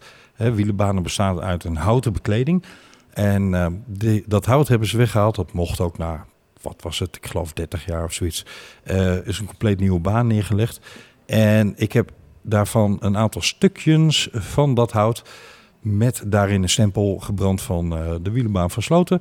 En als je dat nou interessant vindt om te winnen, omdat je een prachtige collectie aan shirts, bidonnen, rugnummers enzovoorts thuis hebt, dan kun je daar een, eh, aan onze prijsvraag meedoen. Ik heb tegen jou gezegd, Wesley, in ons voorafje van, zullen we vragen of mensen een gemotiveerd eh, schrijven of eh, mondeling gemotiveerd bericht naar ons toe doen komen, waarin ze aangeven wie de beste coureur van het seizoen was, man of vrouw. Ben je het daarmee eens? Ja, zeker. Oh, je kan ook inspreken natuurlijk, dat is leuker. Dan eh, als je wint, dan kunnen we het ook nog in de uitzending laten horen. Dat eh, vind ik sowieso een goed plan. Je kunt het inspreken via www.vriendvandeshow.nl slash velofilie. En dan zie je als je op die pagina komt vanzelf hoe je een audiobericht in kan spreken. Je hoeft eigenlijk alleen maar op de knop te drukken. Meer is het niet. Wees niet bevreesd, want je krijgt een prachtig stukje wielenhistorie thuis. En ehm, dan is het wel zaak dat je ook even je adres inspreekt. Want anders kunnen we het natuurlijk niet opsturen. Gaan we er uiteraard in de uitzending wel uitknippen. Eh, dus privacy wordt gegarandeerd. Maar je kunt als je dan toch dat inspreken eventueel te moeilijk of te ingewikkeld of, of te veel moeite vindt. Dan kun je het ook per e-mail doen. www, wat zeg ik, daar was ik al. Uh, velofiliepodcast.gmail.com En ehm, ja, dan nemen we die gewoon mee. Dat zijn wel de twee kanalen. Dus ga het niet via Twitter doen of wat dan ook. Nee, audiobericht via vriendvandeshow.nl slash velofilie. Of een e-mail velofiliepodcast.gmail.com. Wat is voor jou de beste coureur van dit seizoen? Man of vrouw? En dan is het natuurlijk wel prachtig, want dat gaat de doorslag geven als je onderbouwt waarom dat zo is. Ja, dus als het iemand is die niet gewonnen heeft, maar jij kan nog steeds beargumenteren waarom dat de beste coureur van het, van het jaar is. Ja. Dan als jouw uitleg gewoon echt heel origineel en creatief is, dan wie weet. En als je nou zegt, ik ben een diehard fan, dus ik wil sowieso de naam van de man of vrouw die ik altijd supporter doen. Ja, dan moet je dus een heel goed argument bedenken waarom, eh, waarom dat zo is. Ehm komende uitzendingen gaan we ook nog een boek van Mart Smeets weggeven. En we gaan dus een poging doen om eh, deze of gene gast te krijgen om het seizoen in zijn totaliteit door te nemen. En te kijken, goh, moet deze of gene ploeg of renner nog bepaalde dingen gaan veranderen voor volgend jaar? En dan denk ik bijvoorbeeld aan Tadej Pogacar. Die zal wel hard nadenken nu, of niet? Nou ja, als hij met Yates erbij als knecht heeft hij wel al een hele grote stap gezet. Zeker, ja. Dus ik denk dat het niet meer heel veel nadenken voor hem wordt.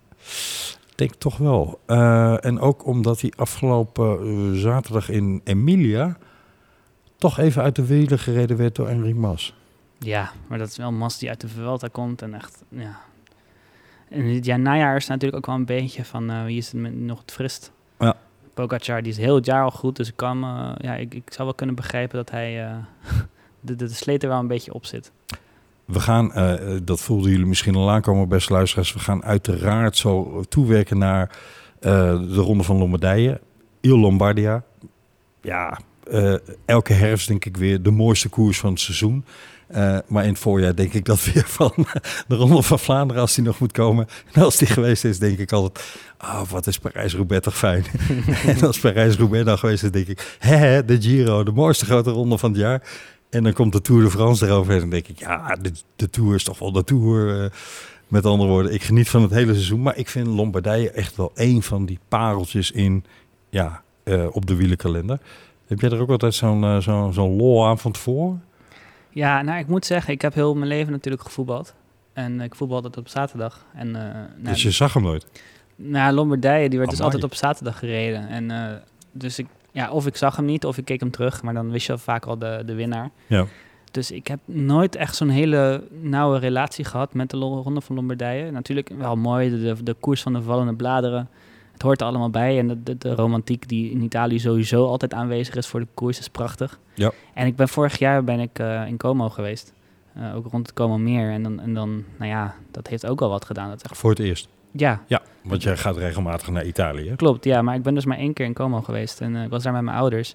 En die waren ook wel helemaal verliefd op, eh, op het Como meer.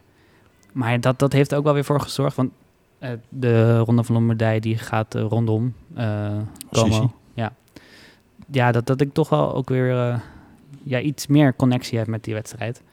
En ik inderdaad wel... gewoon door de plek bedoel je? Of door Ja. het aanzien, aanschouwen van de Como meer? Ja, ja, je, die- Het ging leven daardoor. ja, Ah, ja, je, je- grappig. Ja, je hebt, je, je- verder heb je niet echt een, een connectie, omdat je, ja, als je opgroeit, dan maak je meestal connecties met wedstrijden.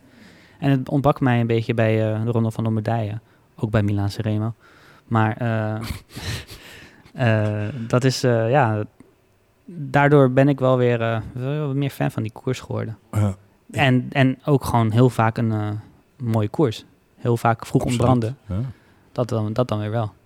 Ehm, we hebben een aantal namen al genoemd in deze uitzending die tot het rijtje voor de van de favorieten voor Il Lombardia eh, gerekend mogen worden. Zou jij daar nog een naam aan toe willen voegen?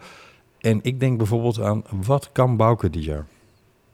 Ja, Bauke Mollema. Die is in Italië wel vaker goed. Mhm. En, eh, het parcours zou op zijn lijf geschreven moeten zijn. Was op het WK niet slecht. Daarom? Maar we hebben ook natuurlijk eh, de winnaar van de Tour. Ja. Die naam die jij heel goed kan uitspreken. Jona Vingegaard. Ja, die rijdt eh buitengewoon sterk in de aanloop naar Lombardia toe. Ja, in Kroatië heeft hij twee etappes gewonnen. En, eh, Een race, ja. ja, en ook nog best wel op explosieve aankomst. Hè? De- dus dat zit op zich wel goed. Het was de eerste race na de Tour de France. Dus hij, ging, hij, hij kwam weer sterk uit de startblokken. Hij, is alleen, hij heeft nog niet zo heel goed cv als het gaat om eendagswedstrijden. Nee, niet, zo, eh, niet zo heel goed is een, een, een eufemisme. Eh, Ja. Hij heeft een vrij matig cv, eh, Ja, mogen we wel zeggen. Ja, ja. In, in, in het voorjaar dit seizoen was het echt dramatisch. Yep. Het werd echt gelost op elke brug. In de zomer was hij best aardig. En nou ja, hij gaf zelf in een interview aan dat hij eigenlijk altijd in het najaar niet goed is. Dus deze race in Kroatië is wel de, ja, een uitzondering misschien. Of Ja. misschien juist een, eh, het begin van een nieuwe weg die hij ingeslagen is. Maar als hij echt goed is, dan eh, ja, ben ik benieuwd. Eh, en jij noemt het begin van een nieuwe weg. En ik kom dan bij Vincenzo Nibali uit. Maar niet omdat het een begin... Nou ja, begin van een nieuwe weg voor de rest van zijn leven. Laten we het maar zo noemen. Ehm, rijdt hij hem eigenlijk nog? Dat, dat weet ik niet. Ga ik jou even voor aankijken, Wesley. Staat hij op de startlijst? Daar ga ik wel vanuit. Daar, daar, ga ik ook vanuit, maar Ja, ik heb het niet gecheckt. Ehm, maar het zou wel wat dat betreft echt fantastisch prachtig zijn als die nog mee kan spelen.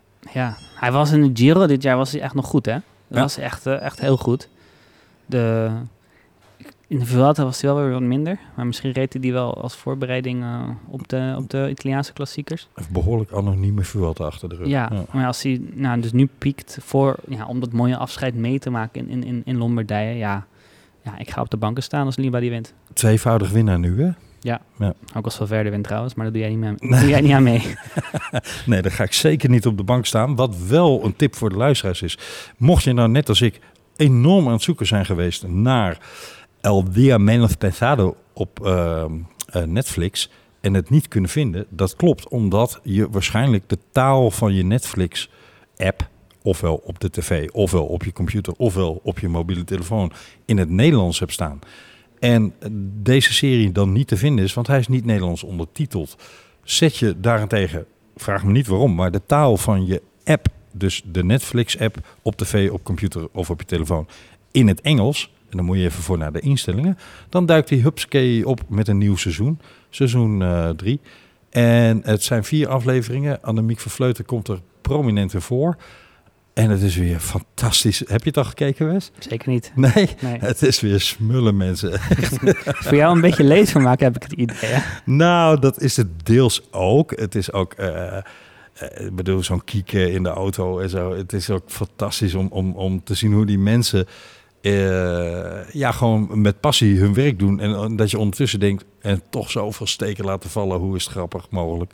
Ehm, maar ook gewoon omdat ze dit seizoen wel heel eerlijk zeggen... wij hebben alles open en bloot gegooid wat betreft de beelden. Ik vind niet dat alles te zien is, maar... ehm, en we laten dus ook ons falen zien. Nou, dat, dat, daar moet je ook respect voor hebben, vind ik. Ja. Ik ga het volgende week in het vliegtuig kijken. Ja, zet dan even de taal op Engels, anders kan je hem niet vinden. Eh, in het vliegtuig kijken, want je gaat weer eens op vakantie. Ja, No vliegshame hier eh, aan tafel eh, bij, bij Wesley. Waar ga je heen? Bonaire. Wanneer? Ah, Oké, dat is weer eens wat anders dan Italië. Dus je bent niet bij Lombardia. Nee, nee, nee. Zouden we toch eens moeten doen. Met z'n allen naar Lombardia gaan. Voor de luisteraars die denken, met z'n allen, waar is Jorn? Jorn had vandaag een oproep van zijn werkgever. Ehm, omdat er wat zieken waren. Dus die kon helaas niet aanschuiven in deze uitzending. En Jeroen is nog druk met zijn eh, programma. En eh, schuift misschien in de toekomst weer aan. Maar eh, jullie worden gemist, jongens. Eh, voor de luisteraars die al vanaf het begin de Vele podcast luisteren, heb ik ook nog wel een oproep. Want afgelopen vrijdag was ik bij een seminar, een podcastfestival met allerlei seminars over de toekomst van podcasten. En een prominent onderwerp daarin was betaalmuur ja of nee. En dat is natuurlijk voor iedere podcastmaker een vraagteken op dit moment hè, met de komst van eh, onder andere partijen als Podimo, eh, die maken dat, dat de podcastwereld aan het schuiven is. Alles publiekelijk openbaar ehm, is misschien voor de luisteraars heel leuk, gratis bedoel ik daarmee, maar misschien niet de toekomst van het eh, podcasten. Om, ja, er moet op een gegeven moment natuurlijk ook wel wat te verdienen zijn. Wil je al deze inspanningen blijven doen? Eh, een taxi voor 140 euro naar Hilversum nemen. Ik noem maar wat geks. Ehm, dus een oproep aan jullie luisteraars. Jullie luisteren met velen, dat zien wij in de getallen. Eh, we hebben ook veel abonnees. Ehm, maar ik wil jullie toch vragen, ga als je dat eh, de moeite waard vindt hè, om te blijven luisteren, ga dan naar www.vriendvandeshow.nl slash velevolie en dan kun je een donatie doen. Wat doen wij met jullie donaties? Je mag zelf weten wat je daar doet. Je kunt een maandbedrag doen, je kunt een jaarbedrag doen. Je kunt zelf een bedrag invullen. Eh, wij kopen daar weer bijvoorbeeld relatiegeschenkjes voor gasten in onze show voor. Ehm, en dat maakt dat we het allemaal eh, leuk vinden om te doen. En dat we graag deze show voor jullie maken. Maar voor niets gaat helaas alleen de zon op. Eh, en zeker in deze tijden. Dus ja, wil je jullie podcast nou eh, een, een warm zetje in de rug geven, een duwtje in de rug geven, ga dan even naar die donatiepagina. Eh, en abonneer je ook op onze podcast. Dat is ook belangrijk. Zeker, als je elke keer de nieuwe, nieuwste uitzending heel snel eh, wil luisteren, dan, dan moet je dat doen. We gaan eh, richting de afronding van eh, deze uitzending. Onderdeel van een wereldrecordpoging. Dat vind ik altijd leuk, dat soort, eh, dat soort grappen. Ehm, over wereldrecordpoging gesproken komen we dan bij, wat mij betreft, het afsluitende onderwerp. Philippe Bogana. Toen van de zomer een niet-prof uit de Ineos gelederen het wereldrecord scherper stelde, dacht ik, oei, amai. Hoe dan? Tot het verhaal een beetje bekend werd. En bleek dat hij hè, recent nog heel veel eh fietstraining had gedaan enzovoorts. eh, eh, en en ja, een, een ehm, specialisme heeft, namelijk aerodynamica. En dus dat het misschien helemaal niet zo verbazingwekkend was dat hij dat wereldrecord scherper ging stellen van Victor Kampenaerts. Maar het was voor iedereen duidelijk dat was een aanzet naar wat er zou volgen. Wat toen nog niet bekend was. Inmiddels wel, namelijk dat Philippe Bogana een aanval op dat werelduurrecord zou gaan doen. En toen dacht ik, ja, kat en bakkie. Maar nou heb ik Ganna zien rijden de afgelopen weken. En nu denk ik, nou, Maar ja, het zijn wel natuurlijk echt wel verschillende dingen. Hè? Op de weg rijden en, eh, en zo- zo'n Zeker. wereldurenrecordpoging. Dat is echt aerodynamica, vermogen leveren. En wat minder sturen en eh, relief. Ehm, en da- da- daar heeft Ghana het wel moeilijk mee hoor. Heuveltjes en, en, en puistjes en, en pukkeltjes in tijdritten. Ja. Daar heeft hij het wel vaker lastig mee. En ontploft hij ook wel nog eens soms. Ehm, ook op de Olympische Spelen natuurlijk, waar, die, eh, waar, waar er wel wat eh, hoogteverschil was, waar hij het niet kon bolwerken. maar hij heeft ook in de tijdritten, hè, Wes, dit seizoen, niet uitgeblonken. Nee, je, hebt ook, je ziet gewoon dat andere eh, renners ook gewoon stappen blijven maken in die discipline. En ja, Tobias Vos. Ja, Ja. ja, daar hebben we het in de vorige uitzending over gehad. Hoe verrassend dat was. Ehm, nee, wat ik eigenlijk bedoel te zeggen is... De Ghana van vorig seizoen of het seizoen daarvoor... daarvan had ik gezegd... teken maar, zet hem maar neer. 57 en een beetje. Die gaat hem geheid pakken. Nu, zeker ook omdat ze niet op hoogte in Mexico of iets zitten... maar gewoon in Kretchen in Zwitserland... vraag ik het me af... gaat hij er nog echt wel even zijn best voor moeten doen, hoor. Ja, dat sowieso natuurlijk. Maar ja, het, het zou me niet verbazen als hij hem alsnog wel gewoon pakt. Want het vermogen leveren en de aerodynamica, daar zit het wel goed mee. Ja. Het is gewoon, het is niet zo'n hele veelzijdige tijdrijder zoals andere renners dat wel zijn. Ja, en dit is eh, wel een, eh een kolfje naar zijn hand, zo'n zo'n poging.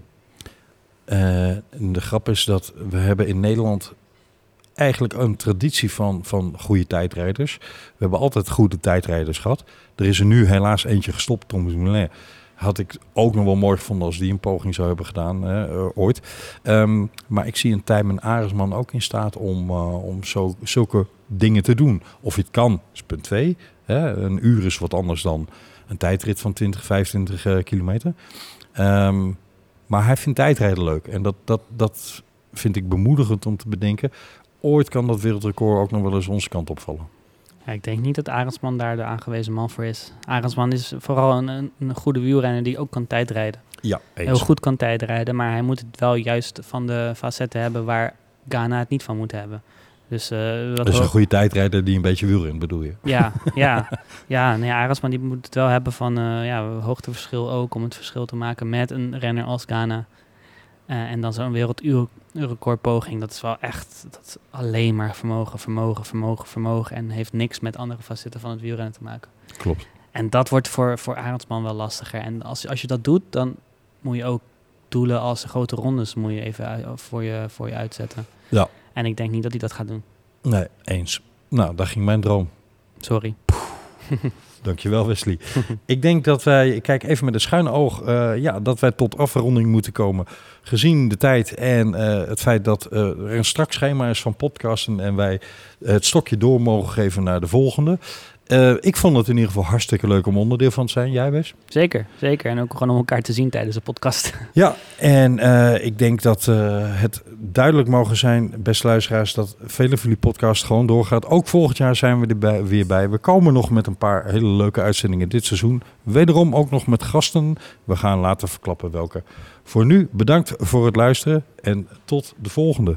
Alla prossima. Vota.